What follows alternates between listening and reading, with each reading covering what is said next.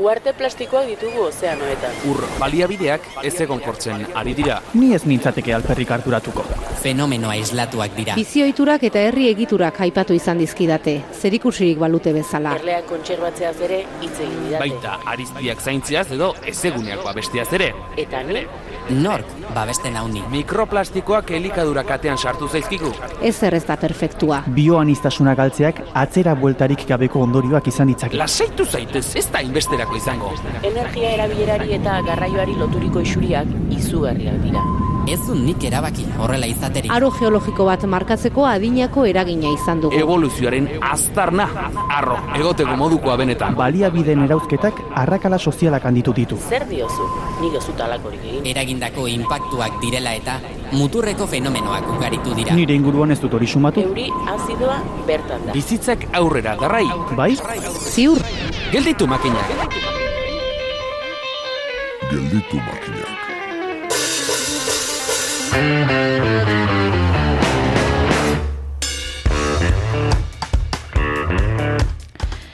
dute komunean angulek, hegazti gripeak eta fusio nuklearrak. Lotura bat bilatzea askiez eta badituzte bi lehena desazkunderen ikuspegitik azter daitezkela.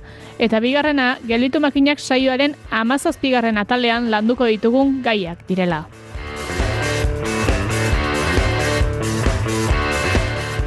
Izan ere, mai ingurua dugu gaurko saioan, ohi bezala geureratu baitira Aitzi Bersarobe, Jokin Aldazabal eta Maite Aristegi. Tridente honekin norkez belarriak zorroztu. Astera doa, gelditu makinak saioaren hirugarren denboraldiko amazazpigarren atala.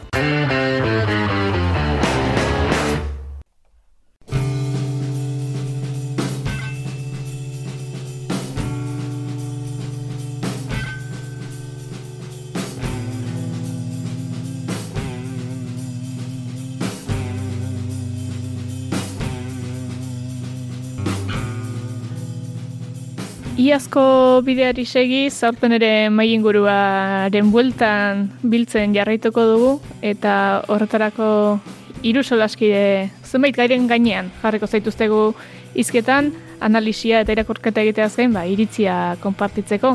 Eta aldiro esaten dugu aurkezpenik ez duzuela behar edo nahiko zaretela zuen buru aurkezteko, eta hala ere etortzen zareten aldiro aurkezten zaituztegu. Beraz gaurko ez da gutxiagorako izango, eta norbere mikro aurrean ditugu, maite aristegi, aitziber sarobe eta jokin aldo zabal ongietorri iruroi. Eskerrik asko egunon. Egunon. Da noi. Hotza kantzeman da altzatozte. Bai, gure ingurua mentzat. Bai, bai, jostaldian eh, sorionez, otziteu. Bai, hori da, ordua zen. Gaur goxeago atzo baina.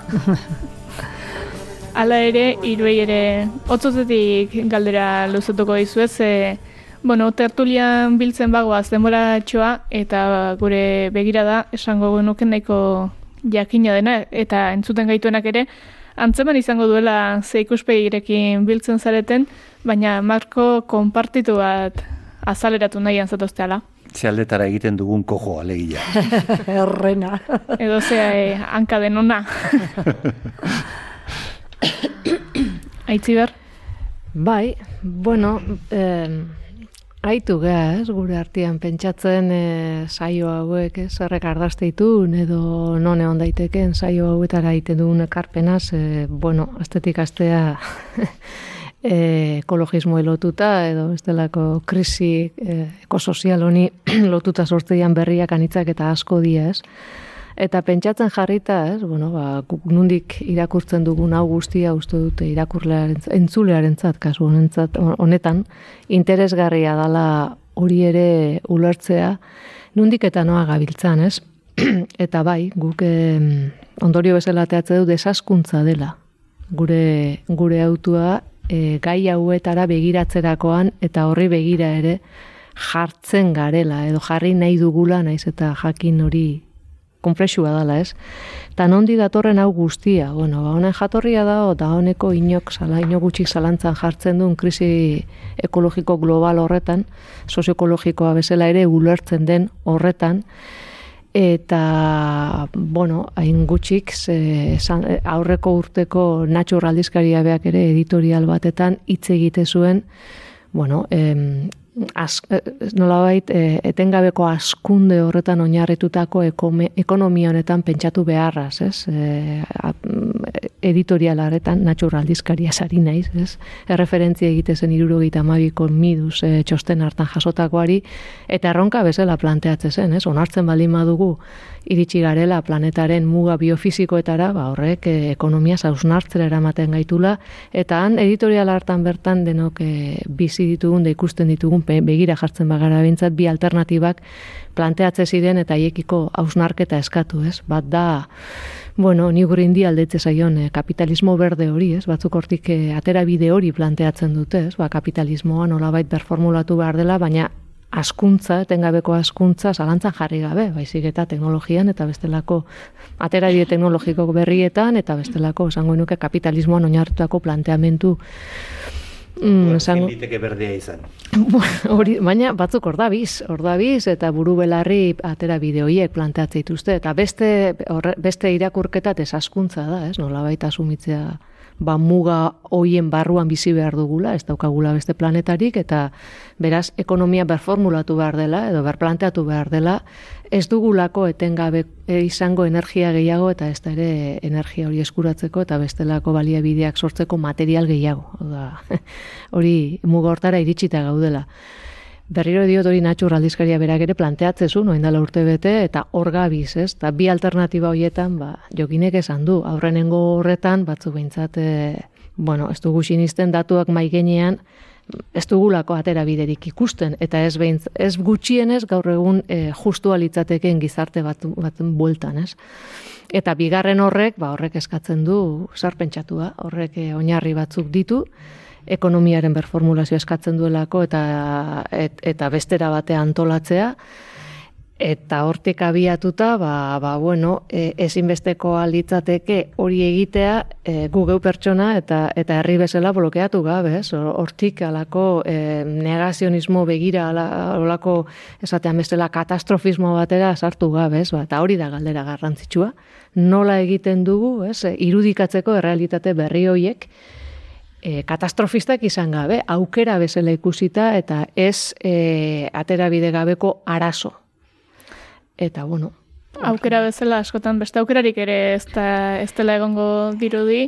Guk argi daukagu, orduan da hori ez, be, e, jartzea nola baiteko nahi badugu oso naifa den, ez, orain, orain erabiltzen den koloretako betaurreko hiek, nahi beti, naif, bat iruditu zait, ez, baina azkenean da modu bat esateko, bueno, ez da gola zertan e, begira da iluneti bakarrik heldu gaiari mm, denbora daukagun bitartean honetaz hitz egiteko. Eske begira da ilun hori e, nahita nahizko litzake baldin eta gauzak bere honetan utzi ezkeo.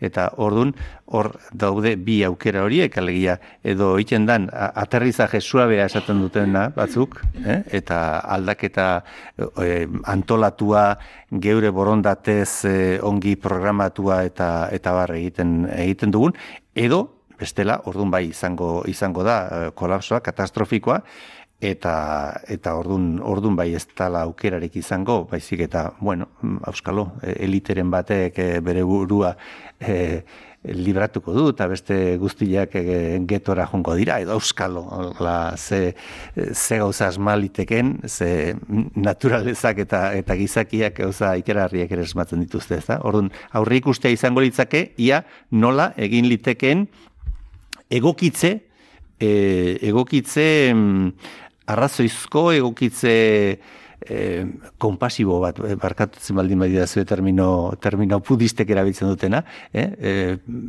nola egin liteken beste egokitze hori eta geure geure impacto maila ba, modu drastikoan urrituta ez da? Bai, nik uste dut hori oso oso importantia da ulerteraztia eta nik dut bagoazela ulertzen ez? Datuak hor daude eta gero ja natura bera ari da erakusten ba ja muga gainditu ditugula eta ez dagola ja hortik jarraitzerik. Eta gero bueno hainbat eta hainbat ikerketa hor daude baitza esaten dutenak e, garapen sustengarri hori eske hori oksimoron badela ez da ezin dela e, ba ja e, ekonomikoki ere ezinezkoa dela eta inkluso batzuk hasta fizikaren e, eta eta biologiaren eh, neurriekin hori frogatzen dute ez da, errekurtzuak, materialak agortu egiten direla, dispersatzera doza, hau, ez dagola, ez dagola horrela jarraitzerik. Baina hori, kontua, bai, nire basuekin adoz, ez da, e, betaurreko hoiek jartzean, jarri behar ditugula, hobeto biziko garen e, egoera batera e, joango garela, ez da, pixkat, ja, ura, ba, errekak gainezka e, egin duela, o egiteko sorian dagola, ja, nahiko gainezka egin duela, eta urak bere onera etorri behar diela, eta eta geure, geure bizitzak, eh, inkluso ez, hobeto bizitzeko neurriak izan daitezkela. Geu eta, bueno, dudaik ez, ba, e, egoaldien, egoaldean diren e, herrialdiak eta, bueno, eren gutxieneko zeretara ere iristen ez direnak. eurekin beste zer bat izan beharko dugu. Beharko diren betaurrekoak, edo aldatu beharko den definizioa edo konzeptzioa zer den ondo bizitzea edo bizi, hori bizi modu ona. Hori da, bai. Eta nik uste dut hor, bulta man behar zorionez, nik uste dut pauso ondiak baita ematen nahi dela. Feminismoti bertatik ere, azkenian ekarpen ondiak egiten nahi dia horren inguruan, ez da? Eta begiratzen beste bizitzeko era batzui, eta, bueno, ba, hori, eh, hainbate arlota, baina kolektibidate e, zentzuari, harreman pertsonalei, eh, ez dala dana eukitzea eta e, xautzia eta gastatzea bikesek eta beste balore asko eta asko daudela. Ez dakit, bueno, ontaz asko hitz egileke, baina nik uste dut, bueno, bide desberdina daudela hasi norperaren e, urratzetatik eta gero kolektibidadian egin alditzugun e, gauzetatik eta gero noski ba, erabaki politikoak, ez da, bide hortan e, jarriko, jarriko gaituztena, baina ni uste hori, enfoke positibo hori eman behar zaiola. Ez da, desaskundiak ez gaitxo ekarriko, ez gaitxuko basulotara eraman baizik eta hobeto bizitzera eraman gaitzak, ez da. Danok, errekurtzuak, e, bari, banatzen baditzugu, banatzen ikasten badugu eta eta daukaguna hobeto baloratzen, ez da. Bai, nik horruztet, e, zintzoki jokatu behar dela, ez? Eta, eta argi esan behar dela, desaskuntzak eskatzen duela kontsumoa, materialen eta eta energien kontsumoa gutxitzea. Eta gure kasuan asko gutxitzea. Ban, e, hori ezin da disimulatu. Hortik, kontsumo horretatik zoriona ulertzen bada, ezinezkoa da gure ariketa. Orduan, e, hor da ho, e, men eraiki behar den pentsamendu berria, ez? Nola e, gure bizi moduak nola aldatu kontsumo maila hori jetxita, orain bezain zoriontsuak edo zoriontsuak izateko. Eta hor gaina, e, inorra zarratu gabe, ze bat ematonezko hariko da pentsatzen, ez? Nere kontsumo maila ez da beste batzuen ainakoa orduan zartazai dia hoiek. Segure gizartean ere sekulako desorekak daude kanpora joan gabe, hor sortzen ditu bat diskurtso, ez, kanpoan egiten dide, kanpoko herrialdetan egiten ditugun eraginak, eta uta beste, bueno, ni ados nahu, kobasurotara, ez gara, jongo, e, ez da posible, e, batzuk irudikatzen dute, esaten dute, oain dela egun bat urteko, pasadan e, ba, mendeko, edo egun bat urteko, ez kontsumo mailetara gutxin ez jetxi behar dela, zerbaitetan azteko, baina bizimodu hau izan gabe kontsumo maila izango da, baina bizimudu aura ez, beste zerbait izango da, ez. Hori dana irudikatzen hasi behar da, eta nik usteet ez dugula astu behar, e, historia badaukagula eta relato batzuk ereiki direla agian orain berpentsatu behar diren errealitaten gainean. Guk krisieko sozial harriak Euskal Herrian bizi ditugu, batzuk eragin dituztenak, ia bizitzeko modukoak ez ziren baldintzak. Ez da denbora asko, lapeñako ordaun interpretazio zentroa bisitatu nuela arbole da inguru horretan, eta hanko bideo entzun besterik ez da, aurreko mendea ziren sartzen aura. Ia kokotesatzea egin nintzen, hango e, bizitza esperantzango gaztena, hain ezitzeiten, hoi garren mendearen hasiera, hogei urte zenaz. Nik oso hurbil, garai hartatik oso hurbil jaiotako amama bendi biziri daukat. Orduan garbi dao lapeñako bizi baldintzak an inguru hartakoak arboleda eta guzti aura gertatu zenekoak eta ba nire familia bizi izan denekoak oso ezberdinak izan direla. Aura ere krisiko sozial bat izango zan ba. Eta ari eskerrak garatu zan eta ze abia duran bilbo handi esaten dugu hori guztia ez? Da hori zer izan da. Jarri behar gaiteko jarri beharko genuke gertaera hori begira. Kontrakoa ere bai men, garai hartan beste arrazoi batzungatik sekulako emigrazioak izan zian hemen, mugaz bestaldea.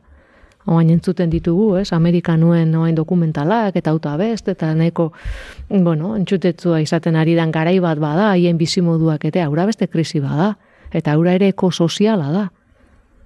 Emigrazio eragin zuen, hori dena gure herrian gertatu da. Osa, ez da ezer berria orain esaten ari garen hau dana, kontua da, e, agian orain, Bueno, ba, hortaz arrazoitu edo pentsatu dezakegun garai batian gaudela, ez? E, ba, iragan astu gabe, baina ulertuta hori buelta hori ezinezkoa dela, baina baldintza batzuk orduan garaiaitan gertatutakoak errepikatuko dian ez agian pista batzuk ere baditugu, ez? Nundik eta nora e, e, etor daitezken atera bideak, orduan. Zete, hori ere kontuan hartzekoa dela. Inorren gainatu gabe, baina bueno, nik uste e, bizimodu aldaketa hoiek ez daukate kontsumo ero honetan eta aizialdia ulertzeko modu hauetan eta ulertu gabe bideratu daitezkela. Zailena izango da ekonomia bat irudikatzea hor ez gertukoa eta bestera batekoa. Hor, e, gordintasuna, e, esaten duzun eh, horretan, eta esaten zari zareten horretan, e, ikerarria da gaur egungo e, bizi moduaren ikuspegitik, e, iruetze zait, alegia. E, ez duzu izango, e, ez duzu izango autorik, eh? Erne, autorik ez duzu izango. Ze gure energia kontsumo hori kauntina horre egiten dugu. Beraz, e, oporrak e, aldatu beharko dute erabat. Gure sanidade sistema komplejo hau, segurasko, ez da izango. Eh? Eta e, ezkuntza sistema ere ez, mobilidadea aldatu beharko da. Zer ez, zer ez, hola, e, iraun nahi baldin deu, eske aldaketa ainda, ainda ikeragarria, barkatuko ez, ez, eh, aldi berean ikuspegi positibo eman, eman liteke, eh? baino aldi berean ematen baldin bada bai. gizakion, gizakion barne aldaketa, baino bestela e, gaur egungo e, bizimodutik ikusita, bueno, Eh, izan liteken e, izan liteken eszenariorik e, gaiztonetakoa da dela dirudi. Bueno, egun eta zero artian berrogeta marrere badago. Eta nik uste dut, pausuak ematea da, ez? Azkenian, epe ertain edo luze batera, beste urten biderik ez dago. Hortaz konstiente izan. Hori da, baino, eh, baino gauza gordin iz, bai. esan behar dira aldi berean. Bai. Goxo, goxo baino gordin. Claro, kotxerik eziko bala izan esaten moduzu, baina tartean badaude, bueno, kotxe gutxiago egitea, ba, kiu, bai, kotxe bat egiten dan bakoitzean, ba, gure seme alaben edo bizi modua jaukertzen ari garela, ondore, baina, bueno, tartian ikuste du badagola, dala, bide badela, ez? Eta, bueno, dagoeneko gainean ikuste pauso batzuk ere ematen nahi diela, e, bueno, ba, ne, nekasaritzan adibidez, agroekologiara ematen den pauso bakoitza, ba, bide honian doa, ez? E, gure e, lokalki produzitu eta e, saldu konsumitzen dugun e, einean, pausuak ematen ari ga. E, Barkatu maite, bai. baino agroekologian pauso bat ematen dan aldiro, eh? e, inbertsio fondo handiak ari dira e, terreno ikaragarriak erosten Dudare, bai. nekazaritza bai. e, beste bai. industriala egiteko. Eh? Bai, bai, bai, dudare. Orduan, bai. Denerare ezin, aliatuko bera, ez, lehian ikulartzen dut, eta bai industria hundiari eta lekoa koskarin beharko zaiola, baina aldi berean beste bide batzuk eta jorratzen joan beharko da, eta masa sozial bat lortu nahi baldin badezu, norbait, nun baitetik abiatu beharra daukazu? Dudik ez, baina borroka ez tala, ez, ez tala parekatua inolaz, inolaz ere, eh? eta egin behar dela, bai, dudik ez, beste irten biderik ez dago. Ez dago, ze momenturen batean iritsiko daz, ze, zeinetan e, nekazaritza industrial horrek, eh? ez du izango gazik, eh, ongarria egiteko. Eh, ongarri artifizialak egiteko. Derrigorrak, derrigorrak eraingo du. Orduan, beharko da, agroekologia beharko da, beste remediorik ezean. Hori horretan adoz gaude guztiz. Bai, eta hor, asmatu behar da, ez denatoki horta iristen modu ordenatuan. Hori. Hau da, e, kotxaren adibideari ni etxitena, honi badakite datuak eh, esku artean, nire kotxeak iraun beharko lukena irauten badu, hori bestea da, teknologiaren ostoloestentzia programa, da hoendik euskeraz e, benetako zaharkitzea, ozein ditzateke horren bueno, esan nahi. Ostoloestentzia, bueno, eh, hori latinetik etorriko da, eta niko nartingo nuke bere hortan, bueno, inolako. oso, itxusia, oso itxusia da, baina nik erabiltzet, baina denok ulertzen dugu horrek zarra esan nahi du. Beraz, nire kotxea daukan teknologia eta material guztiekin bizi beharko lukena biziko bada, igualagian, seguru asko jarraian esatet, baina azkenengoa da garrantzitsuena, azkena da. Da nik hori asumituta daukat. Hori da adatuek esaten didatena. Ena horrek eskatzen. Keskatzen hauna da, e, nere kotxe pribaturi gabe, edo kotxearen erabilera pribaturi gabe, ezin ere bizimodua bizi alizateak. Zer, nik, nik esate baterako ez lana egiten bizi nahi zen herrian. Egin batean ez da nire autua izan, merkatuak ere eraman hau horta, esan nahi, ez dakata au, aukera nire lanbida nire herrian, orduan, nola nik hori ezin deta antolatu. Eta egunero posti joango nintzateke antolatutako garraiorako aukera banu, gaur egun alana eskatzen diaten baldintzetan egiteko, garraio publikoa, baina ez tezala hori inor zalantzan jarri. Kontua da, e, inor ez hori antolatzen ari. Las, lasai aitziber, lana zeure herrian inberko duzu. Bai, baina hori antolatzen joan behar da. Eta maite, maite zutani, Bai. zutani, zu baserri batean bizitzera. Bai. bai, nire bai. Nola inber du? Oinez. Claro, Bai, bai. eh, eske alternatiba Bueno, oso, gutxi. oso gaiztoa da. Ez, baina, bueno, bado, eska, pausuak eman behar dira, eskuntzana komentatu duzu, gaur goizean zenbatek hartuko zuten bakoitza bere etxetik, ez dakize puntatara joateko, e, ba, klaseak ematera, eta bere herrira beste batzuk etorriko zian, kanpo, ez dakit, daude gauza batzuk, e, bueno, oso oinarrizkoa dienak, eta aztertu behar dienak, e, landu behar direnak. Bai, Bueno, Nik lan egin izan dut, e, e, EITB-en, eta claro, zenbat auto eta zenbat langile mugitzen diren Donostiatik Bilbora, Bilbotik Donostiara, eta, Ja. hori... Eutzi ezina da, bai. ez- Ezin da inolaz ere, inolaz ere soportatu. Eh? Bai, baina gero, e, hori Hola, beitu, hiru pertsona hiru errealitate ezberdinekin eta diagnostiko e, uste oso logikoa gure herrian kokatu apartekatzen dugunean, e, garraioari begirako, esango genuke gaur eguneko atera biderik dimensioetan handiena HT da. Eta hori da arazoa herri honetan ikuste besteak beste. E, buf, gabiz oso, oso, oso, oso urruti dauden e, diskursoetatik, ez? E, eta hor, hasi beharko da. Hor ere hasi beharko da hemen Hori bezala. Aitziber, galdetzen diozu edo eta danak esaten dizute horrek ez du esertarako Ja, balio. baina- Hori, oin lanean ari direnen negozioa Balio baldin badu ere... Ez digu balio ez digu, moduan. ez digu Gure eskalan, eh? ez. Euskaldunon eskalan behintzat, ez. E, Euskaldun gehiengoaren e, eskalan ba- bada, ez, aurreko batean batek esate zuen bezala, ez, e, bada politikaririk bere bizimodua irudikatzen duena hiriburuz hiriburu edo edo bestelako eskala batzutan, baina hori gutxiengo bada. Bai, bai. Jende gehiengo Ehuneko bat bizi batera hori. Geure horre txikietako mugimendu hauetan eta hor, Orduan, bueno, gauza asko daudetan nik uste e, saio hauekin, ez, Bai, igual, pixkana, behintzat- pixkana, lata emateko Bai. balio dezala eta Behin pentsatzeko. jarrita ere, eta energia aipatu duzu zuen desazkundean, ez, ba, bueno, ba, energia beharrak eta nonbaitetik ase beharko direla, eta eta agian beste nonbaitetik jo dezake, baina badator proposamen oso interesgarri bat fusio nuklearretik, ez dakit hori desazkundean kabitzen den edo ez, ze lehen aldiz lortu da Lorenzeko Livermore laborategian fusio esperimentaleko instalazio batek e, energia sortzeko behar izan duena, baino energia gehiago sortzea, e, ulertu den.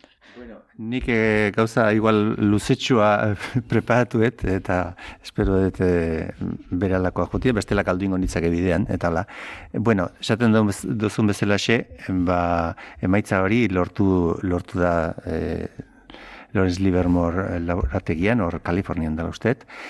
E, honetaz, eh, fusio e, bidezko energia garbi amaigabe horretaz, e, gogoetan hasita behin irakurri nuen, eta beste noizpetxera ipatu dut, eta gogoan geratu zidan, edozein helburu zientifiko lortzea, ez dela ezinezkoa, baldin eta nahikoa ikerlari eta nahiko diru ipinizkero. Hmm? I- Ia edozein gauza lortu litekela esango dugu, e, termodinamikaren e, legeak errespetatuta noski. Eta erantzi beharko genuke denbora ere behar dela, eta gehitu genezake denbora ere murrizten dela, gerra baldin bada ikerketaren akuilu, beti gertatzen da bezala xe. Bueno, pentsa zuzuek, pentsa zuzuek, berrogeita bostean, mila bederatziron eta berrogeita bostean edo, bigarren mundu gerraren amaieran, bomba nuklearrek energia ikeragarri zabaldu zutela zartaiz, zarta izugarrian, edo pitan, e, Japonen. Bueno, orduan, nor pentsa energia ura, eh, neurri batean ba otzandu zitekeenik eta erabilpen zibil garrantzizkoa izango izango zuela energia nuklearrek. Ba ikerketa eta dirua medio, ba 10 urte baino lehenago lanean hasi zen lehenengo zentral nu nuklearra. Errusian izan baldin bazen ere. Orain lehen emaitza lortu da fusio nuklear zibilaren bide bide horretan. Bueno, gogoratu orain arteko zentral fisio, zentralak fisiozkoak direla. Hau da, atomo astunak uraniozkoak adibidez zuri esplikatu beharrik ez daukateli badakite ipaino beto zautzen dituzula gauza, gauza hauek.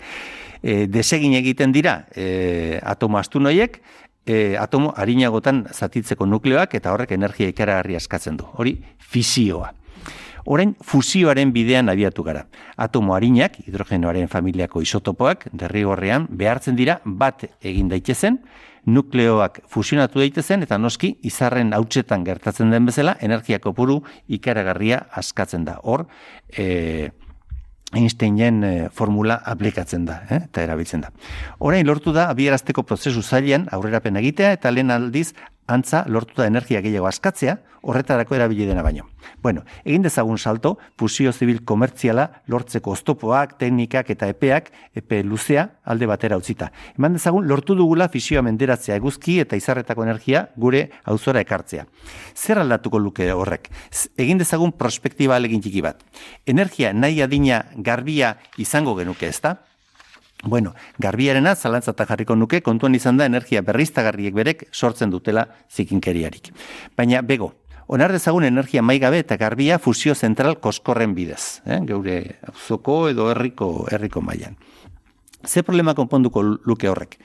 Janariarena, neurri batean bai, janaria produzitzea gaur egun e, energia asko erabiltzea baita. Urarena, bueno, desaladorak JK jarriko genituzke martxan, urgazia urgeza bihurtzeko. Ez da gutxi. E, Zeobia atmosferatik ateratzea ere bai? Ba, segurasko bai. Berez, ez diru diezinezko energia nahiko baldin badugu, bueno, industriak amaigabeko auspoa izango luke lanea jarraitzeko. Bale, ezta? Eta horrela, abantaila mordo bat. Bueno, eta zer eluke lortuko fusioak? Ba, azteko eluke gure harimak fusionatzerik lortuko. Eh? Gure sistema kapitalista modernoari arnasa mangolioeke bide beretik jarraitzeko. Gizakien arteko desberdintasunik nekez gutxituko luke fusio, fusio horrek. E, business as usual horretan jarraitzeko aukera emango liukela dirudi. Baina gizakiaren etorkizuna arriskutan dagoela iragartzen dutenen pentsakeraren bidetik gure etorkizuna bermatuko hoteluke energia horrek. Ba, hemen maiz aipatzen dugun aldagai bat bere biziko garrantzia duena, bioaniztasuna. Fusioa lortzeak eta fusioaren itxarotea berak galerazi egingo digu gaur egun bertan hartu behar genituzken neurriak hartzea. Esperantza horrek Eh? Er, gaur egun erreakzionatu behar dugun eh, moduan erreakzionatzea galeraziko liuke. E, anistasun horri eusteko neurriak hartzea alegia, biodiversitateari eusteko neurriak hartzea alegia. Beraz, gertaliteke fusioa ezitzen den garairako, bioanistasun hori nabarmen galdua izatea, eta planeta, guretzat, bizileku egokia ez izatea ordurako. Eta erne, gauza batzuk berreskuratu litezke, ber, amar, berroita amar, edo un urtetan, bioanistasuna ez, berorren horreka berreskuratzeko, ba, milioika urte beharko lirateke eta noski gu hain sapien somen garen gizakiok ez gara lekuko izango. Zagitzen bat eraino, bueno, luzatu nahi zen, barkatuko dira Alegia, mila makinek ez dutela lore bat sortuko, ez da? aspaldiko kontua da, eta bai, nik uste E, bueno, gainera induzun e, planteamentua da, ja lortuko baliz, baina gainera, esaten dutenez, amarkadak beharko liakela bai, bai. hori berez erabilgarri izateko, baina hori, trampa hori daukala ez da. E, azken batean, ba, dago oin e, e, garbia, e, agorte zina, eta arriskuri gabia, eta, eta benga, hortan lo, lo hartzeko, ez, eta ekintza klimatikoei ez, e, ez erantzuteko. Orduan, trampa hor dago, eta berdin jarraitzeko bidian orduan lehengo puntuan esan dugunaen guztiz kontrakoan. Uste dut, hombre, abantze zientifikoak, ba, ojalá danak egotia eta onak esatia, baina gero hori, eh? pertsona ardatz izan da eta beste gizarte bat ardatz izan da eta, eta da. Eta, zera, amaitzeko pesimismo horrekein, eh, claro, en fusioa en martxan jartzeko, pentsa zenbat eta zenbat petrolio erre beharko dan. Hori da. Eh? Material hori ere ez dela gorte zeina. Hori da, beharko litzakena, ez? Orduan. naiz, eh, jokinek esan duen horreta, hori beste, beste begirada batetik berdina esaten, eh? baina planteatzen, ez? E, abiatu zea jokin esanaz gizakiak, nahi beste ikarlari eta eta nahi beste diru eta denbora, neurtuta ia gizakiak edozar, ez? Lortu dezakela edozar, ez? Gizaki ez da bizitza sortzeko gai oraindik. Sortuta da on bizitzatik mm, ikartu, ikartuz eta eta eraldaketak eta eginez eta bai, baina bizitza ez oraindik ez dugu natura bere horretan ezagutzen eta guk naturan gertatzen dena eta naturan ikusten duguna erreplikatzen dugu egiten dugun guztia. Eta energiaren gaian ez gabiz e, naturaren e, zikloa, e, zikloei e, arreta jartzen. Naturan, naturan ez da, bizitzaren zikloek ez dute energia e, zentralizatuaren logiketatik egiten. kontrakoa da, ez? Fotosintesiaren bidetik e, bizidunen logikak nolabait dezentralizatu egiten du energia hori bizitzarekin egiten duen bezala eta hor da hogakoa, ez? Energia e, fusio honetan honen ametsa da nire ustez behintzat jokinek esan duen business as usual hori, ez? Oain antolatuta daukagun energia sistemak zentralizazioan dauka negozioa. Gutxi batzu kontrolatzen dute energiak besteak beste teknologia bezala eskatzen duena delako izatea e, sistema kontinuo bat. Eta energia berriztagarriek ez dute hori bermatzen eguzkitik energia eskuratzen da, eguzkia dagoenean, edo egunez, aize ari duenean, eta ura saltoak, edo nahiko indar daukagunean. Baina kontinuidade hori, orain arte petroleoak lortu duen hori, honek, olako sistema batek eragingo lukelako hor dago apustua, baina momentuz kimera da, eh? Lortu duten hori epeluzera dator, eta kimera horren zain, hortan jokinek eta esan duten bezala, maitek esan duen bezala, ezin daitezke e, ezin daiteke denbora erre. Segabe geldituko gea. Orduan ni ados nao, hau ez da, ez da, da e, hori ez, orain arteko sistemari heltzeko alako amets bat edo alako, baina benetan erreala ez da, ez, eta, eta ez da, ba, leheno esan dugun arazora gara matza, ez, desaskuntza atzeratu edo logika horietan jartzea, e, ba, hori atzeratu besterik eragiten ez duen momentuz, ez da bai da bada. Ez da honek ala ere, bai eman dezake pausua, e, ez delako teknologia zehatz baten edo, bueno, izan daiteke fusio nuklearra, izan daitezke beste teknologia batzuk, baina bai agerian utzi duela eta, bueno, berri hau atera bezala izan ziren reakzioak eta ikusirik, teknologiarekiko nola baiteko miresmena edo fedeitxu bat badagola horrekiko. eta... Optimismoa. bueno, hori atzerako ere agian izan diteke, ez? Baina, bueno, horrek usi dela zenbateko esperantza dagoen teknologian, eta eta orain uste dela, ez? E, gure energiarekin dagoen arazoa sorkuntza bakarri dela. Gero energiarekin zer egin eta ba, industriak nahi beste egiteko bide izango zuen, baina ze balia bide erabiltzen ditu hortaz aparte industriak, da hor no, ze irakorketa egiten duzu zuek edo, bueno, no, atzek pauso bat atzera eginda energiaren gauzia, nola ikusten duzu? E, krisi hau ez da energetikoa ditzen da, baina energetikoa beste da materialena. Energia kasu honetan kontua da fusio hori hidrogeno molekuletik egite aurre ikusten dela, eta alde horretatik baliabide hori mugagabea da kasik, zan nahi dute. Kontua da hori baliatzeko eta oraindik atera biderik aurkitu ez duten e, prozesu hori kontrolatzeko behar den teknologia behar ditun materialak hoiek diala neko egongo estiranak edo egongo direna gutxi batzun eskutan, ez? E, hori ezin dugu estenatoki horien ikusi edo irudikatuz ez, ez daude hor lortu duten lorpena txikiegia da planteamentu hori esartasari garen dakiguna da hori kontrolatzeko beharko den teknologia eraikitzeko beharko diren materialak mugatuak izango direla orain arte e, e ezagutzen ditugu material guztiak gaina jo dutelako denek hori marko hori eraikita da, horregatik ezaskuntzaren logika honetara etorri beharra ez ez da hau. Eta ez da egongo kontsumo maila honetarako, baina ez bakarrik energia horri lotuta. Bezik energia horrekin mantendu nahi baldimada daukagun kontsumo maila hor da okoska, ez da hau. Ez da honeko material. Dagoeneko hasi dia, ez dakite orain gero eta gehiago ikusteia, leno eskatze sana, ez, ni ba, plastikoak berziklatzen, plastiko gutxi orain badatoz, orain ikusten dira horrelako planteamentuak eta gehiago eta bueno, ba, garbi da, osargatik garesti daulako, eh? Ez muga hortan pentsatzen nahi dialako, baina petroleoaren ekonomia asko garestitu da. Ordu noan hasi gara leno, ezin, claro, bai. ezin besteko ez ziten gauzatxoak ikusten, ez? Berez ikusten ditugu e, eta eta iragarkiak ikusten ditut nik, ba, e, plastikoa berziklatzeko, berziklatutako plastikoekin kontuak egiteko, auta beste eta esatezu kontxo, horren beharra leno zeo zion. Oain zer kekarri du hau, materialen krisian jarri gaituztela, esortaz ez du egin nahi, baina nola potxikoan eragiten ditu, digun, ba, ba, azidia enpresak ere horrelako atera bideak bilatzen, ba, beren produkzioa merketzeko, etorriko da, eta horrekin ere bai, orduan, ba, energia bai, energia asko izan dezakegu, ados, baina energia horrekin mm, bizi modua mantentzeko gaur daukagun kontsumo maila, ez ez, eta are gehiago, jarrait, zanet, esponentzialke ari gara gure e, ingurunea degradatzen, naturala bintzat. biodibertsitateen galera emendatzen ekarriko lukena da, be, bueno, azeleratuko luke abiadura hori eta eta hori geldi ezin alitzateke. Ez dakit nola, nola formulatu, baino arazoa ez da energia falta, energia eh, asko dago eta gehiegi dago eta horren bidez ari gara mu- mundua eh, transformatzen, eh, orduan, eh, soluzioa da energia hori hor ustea, hor azpian ustea eta kitxo.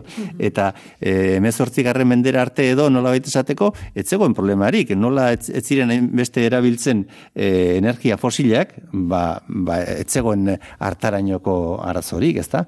Eh, orduan, asmatu behar duguna da, haber, e, nola uzten dugun energia dagoen lekuan. E, eta hartara gainera askoz gehiago irango liguke. Eta teknologian fede itxu hori edo amets hori euki beharrean, ba, lurraren taupada entzun, ez? Eske, hortan itxutzen gara, gero ikusten dugu erabilpena nolakoa den, eta ez gara kontuatzen, ba, hori, lurrak zedin oskun, lurrak eta eta eta klima giroak, berak esan digu aurten urtea izan da, azkenen urtea nahiko nik uste dut alarma pizteko modukoa izan dela, eta askok ikusi diotela hori, otxua belarriak, eh?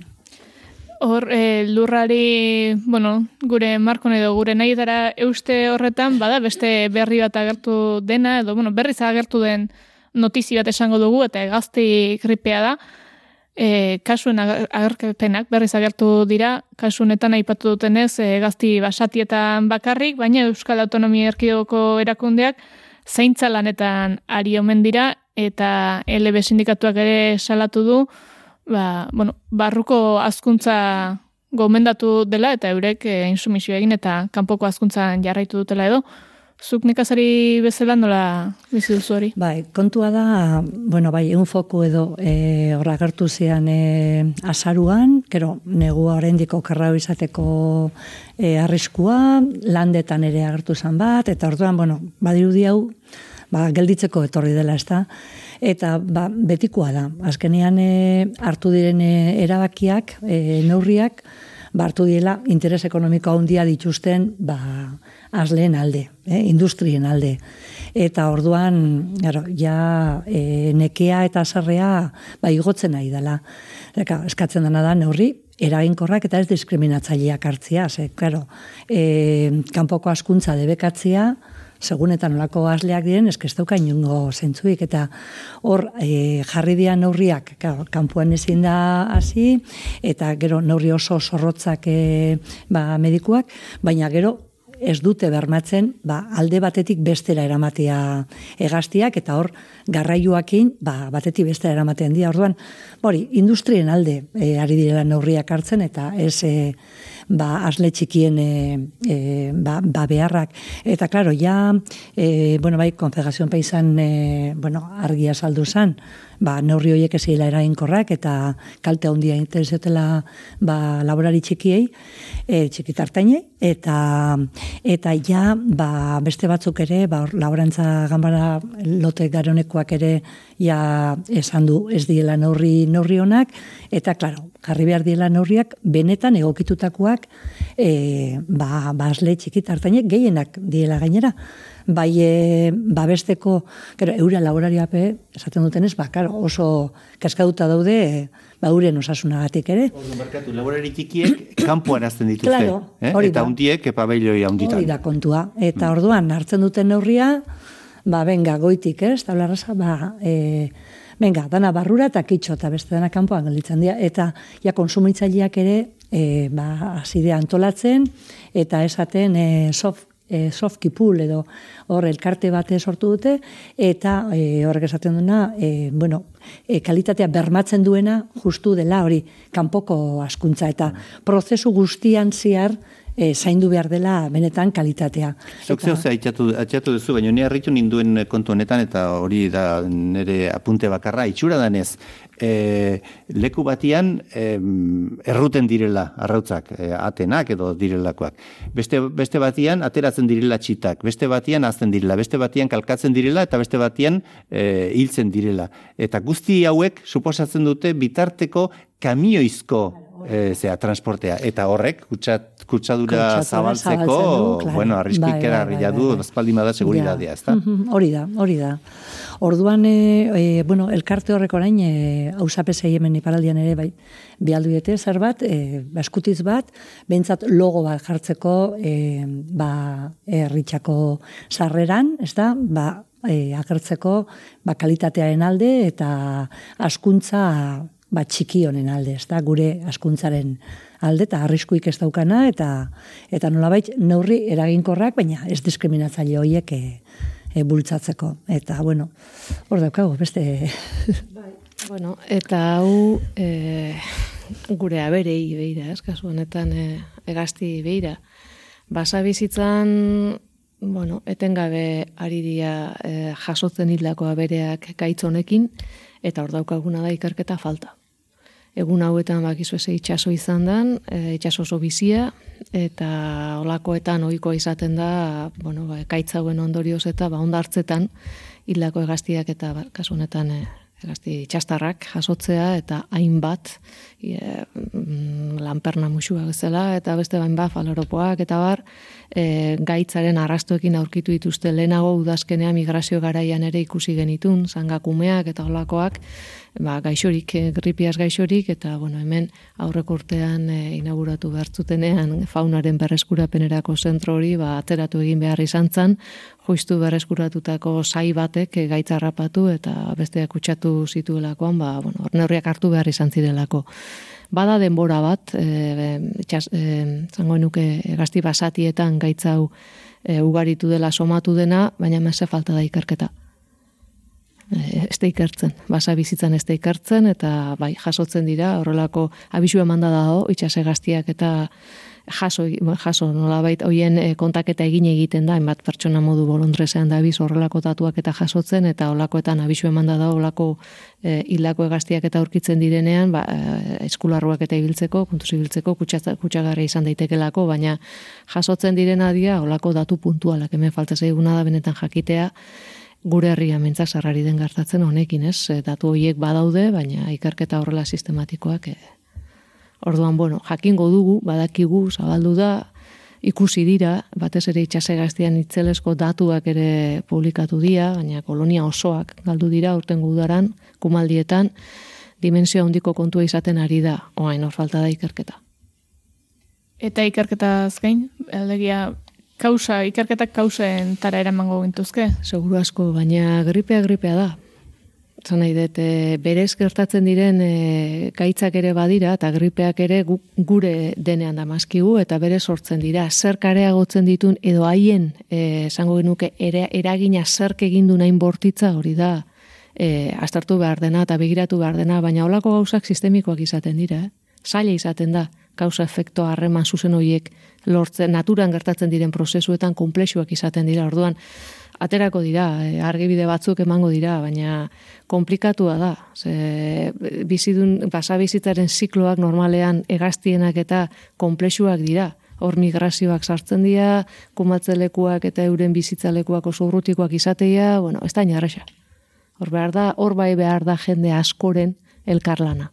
Pertsona asko eta ikerlari askoren elkarlana.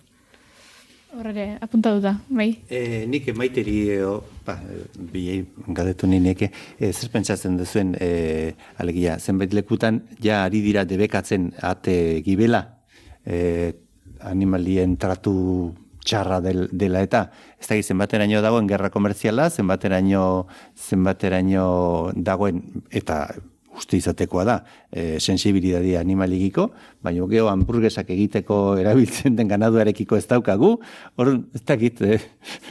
Ez dakit, ez dakit, gai. Korapilotxua da, bai hori da. Orain, e, bueno, hemen milioiak hartu ditu gai, bainera enpresa horrek ez, e, zelula batetik, gero laborategian e, aragia sortzeko, eta, eta bueno, e, askotan nola, ba, arrazoietikoak erabiltzen dituzten, ez? Bueno, hola ez da ongo animalien tratu txarrik eta abar, baina horre ere luze berbeitzekoa da. Baina trampa ondia dago, osea, pentsatu behar da, gero horren ondorio e, sozial inguru girokuak eta bueno, zein jartzen duen hor dirua eta, eta zertarako ez da. Eta honetan ere, gau, gero dago kultura bat, dago ez dakit, eh? nik uste dut e, e, arrazoi etiko hiek oso esalantza jartzeko diela, eh? gero e, ze erabilpen egiten dan eta, eta zeinek egiten duen batez ere ikusita ez da. Mm Nik alare bukatu nahi nuke gauza bat, e, kontzeptu bat argi utzitaz, uste dudalako horrere pixkat erotzen ari garela, Espainia aldean hor animalien ongizate legearekin eta hainbat ez da sortu dira ulertzen ere pitin bat zailak abereak gizakiak bere onurarako sortu ditu. Uste, printzipio hori ulertu behar dela, eta hainbat abereren e, kontxarbazioa, Errepikatu galdezu mesedez. Abere, abereak, gizakiak, e, etxeratu, etxeratu edo sortu, eh, sortu ez ditu ino, labait etxeratu eta eta bere ganatu ditu bere onura propiorako. Hori kontzeptu galdu, e, iparra galdu ezin dugun kontzeptu bada hori. Orduan, onura horrek zentzua e, izateari usten badio, abere horren existentzia bera, agian askoa da. Hori da. Eta hor, e, gauza batzuk argi, esan edo, kontzeptu batzuk argi izan behar dira, ze, e, nolabait, haien ongizaten izenean, abere batzurekiko tratu e, mota batzuk eskatzen ari direnak, agian, abere hoien izate arrazoia jartzen dute hausitan. Bai, desagertuko eh, dira. desagertuko dira. Orduan, hor dago, hor dago oso irristakorra den niretzat behintzat eh, langa bat eh, etikaz eta moralaz eta hitz egiten dugunean. Ze hor, hor berak jokine berak ere inoiz aurreko baten ere esate egin duen, ez? Etxean e, ogimamitan dauzkagun abere hoiek, etxabere hoiek, ez? Nahiko luke. E, e, nahiko luke, ba, e, ez dakit, oien ongizatea nola irakurtzea iritsire itegean. Hori langa hori nahiko lausoa da, eta nik uste orain baino e, hausnarketa sakonagoa bai. eskatzen duela. Garbi da, otratu txarra eragite zaiela bere batzui, eta hori etikoki onartezina dela, eta eta produkzio sistema batzuk, e, bueno, e, edonor larritzeko bai. modukoak direla daukaten eraginagatik, eta e, nik uste e, baita abeltzantza beha bezalako hitzak ere agian, e, ez luke dela onartuko olakorik, ez dalako zaintza beste zerbait dalako, ez? Eta ez da, ez, ez dakit bizidunak ikusten ere diren horrelako sistemetan, eta hori zaiztu behar dela, baina igual e, pendulo ariketa hauek egin mm. gabe, ez? E, gauza, komplikatua da, nire ustez. Marra lausua dago bai. Marra lausua dago. Hmm. Azkeneko kolpetxo bat geratzen zaio gure gaurko saioari, azkeneko minutarako. Ba genituen gai gehiago, beraz aukeran emango dizkizuet, e, bueno, aipatzeko genituelako lehen ere utzita tirak agento zen tajo segura trasbasea, energia merkatuaren erregulazio berria ere aipatu nahi zenuen zuk jokin, angulak ere bagen euskan mai gainean jarrita aukeran angulak, aukeran angulak, aukeran angulak. literalki, eh, mai gainean baina. Eh. Bai, bueno, angulena ni beste behin arritu, ar, nere arridura saldu nahi dut, ez? Eh, San Sebastian bezperan harrapatu ninun arratzaldeko e, da, euska, e, gure edabide publikoetako berrien, e, orduko berrien saio batek eta esatariak agurtu zuen ondo pasatzeko gonbidatu zorko entzulegoa, batetik eta bestetik ahaldela, azkenengo esaldia izan zen, ahaldela angula platera batekin maiganean. Eta niri harrigarri egite zait. Harrigarri egite zait oraindik ere kontu hauekin segitzea, e, errepikatzea, errepikatu behar izatea berriro angulak desagertzeko arriskuan izendatutako espezien zerrendan daudela. E, horrelako egoera ataka larrian dagoen e, animali bat kasu honetan, e, arrainkume bat, plateran ikusteak e, inor postea bani harritzen hau eta berdintzainun arrantzatuak diren hemen, Arkaxonen, Galizian edo eta Mediterraneoan.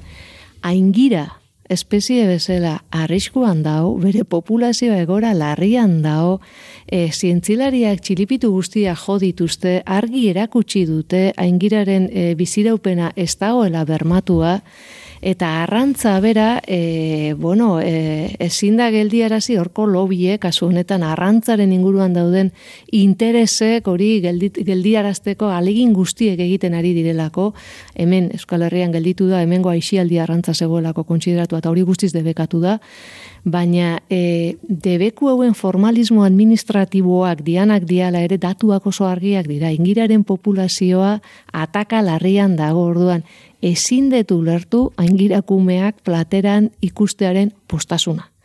Pentsatu nahi dut Euskaldunok baditugula jaki zoragarriak maite daukat aldamenean, segulako e, aragiak, e, segulako e, barazkiak ekartzen dizkigute, arrantzan ere batzuk ari dira, eta ekartzen dizkigute goera hobean dauden populazioen harrapaketak, beraz, nik, nik ezin detu lertu. Eta edabide publiko batetik horrelakoak esatea are gutxiago. Hau da, e, aurten beste behin Europan saiakera izugarria eginda eta zintzilaria daukaten guztia jarri dute maigenean debekatu dezaten arrantza, badakit komplexua dela eta betikoa da, ez? Bai, hemen, arran, hemen debekatzeak ez dauka ez, e, eraginik e, arkaixonen jarraitzen badute, Frantzian ez dakiz egiten badute eta bestean eta bai, bai, bai, arrantzaren koplak beti horrelakoak dira, ez? Nire eraginak ez dauka hori depredazioa da, depredazioaren pentsamendua da, kontxo, Esaten baldin badugu biodibertsitatearen alako krisi global batean gaudela kontxo, anguletaz ari gara, arrainkumetaz, favorez eta mesedez, niretza tristea da. Nik eh, eskatuko nukena da, biskate, bueno, eta gero argitze egitea.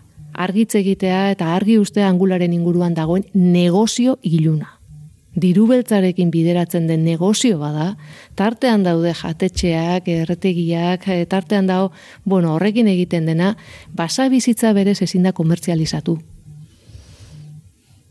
Eta hori e, e, da obietate bat, eh? eta hori ulertu behar dugu angulekin bezala, perretxikoekin eta beste guztiekin, gertatzen dela basa bizitza ezin da komertzializatu eta komertzializatzeko baimena lortzen diranean hori egin behar da este gauza guztiak bezala e, komertzializatzen diren gainerako produktuen baldintzetan.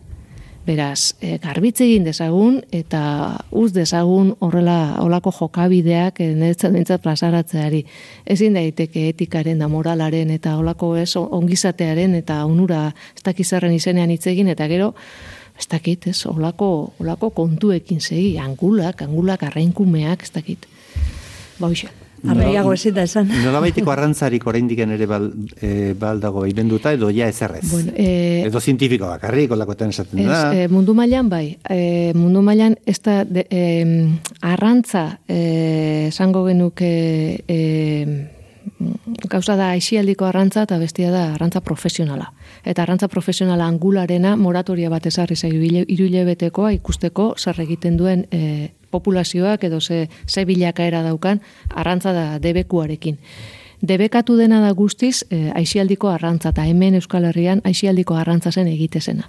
Hor ere ez da bereiztu lehorretikeko arrantza berez tradizionala dena eta txalupetakoa sekulako kalte egiten duena. Hori ez da tradizionala. Tradizionala lehorreko arrantza hor ere dena nazten da. Eta esango genuke propio. Hori debekatu da, kartatzen dana da debeku horren nolabaiteko transposizioa Europatik ona iristeko denbora bat pasatzen delako, iritsiko delako ofizialki, bo iritsi delako orain, eta bitartean esko jaularitzak aurten ere ez dueten. Eta beraz jarraitu dute arrantzan. Baina isialdikoa debekatu da, Europan debekatu da, eta profesionalari jarri zaio hiru hilabeteko lusagarri sei hilabetera lusagarria den alako moratoria bat. Beraz, nolabait, argi aitortzen da aingiraren populazioaren egoera txarra dela. Txarra dela, eta eta hor komplikatua dena da, ba, ba hori aingira dauka oso oso biziziklo komplexua dauka, migrazio oso luzeekin Atlantikoan zehar, metamorfosiekin tartean, orduan argi dago erabakiak etorri behar duela, bere migrazioak, ba, bueno, e, leku hartzen duen e, e, eta hor e, irismena daukaten estatu guztien eskutik. Ez da leku bakarrean hartzeak neurri batek hori ere egia da. Ba, bere eragina puntuala izango da, baina zerbait izango da ezer baino gehiago, ze jakin badakigu, e, bueno, angulak bueltatzen dela, direla, aingirak sartu zireneko erreka beretara, beraz gure abintzat, ba, bestu ditzagun, ez da jakin horistela neko izango populazioaren zat, baina guk hori da egin alduguna, ez da, ba, egin dezagun. Ba, hemen txe, utziko dugu, ze angularik ez, baina denbora oso aian dugu, eta Eta mentxutzeko dugu. Eskerrik asko maite aristegi, bai aitzi basaro eta baita jokin aldazabal zuri ere, ba ona etorri eta berriz ere zuen irakurketak konpartitzeagatik. Zuri. Egunon izan. Euri eskerrak, egunon. Gelditu makinak, naiz irratian, elipagolarekin.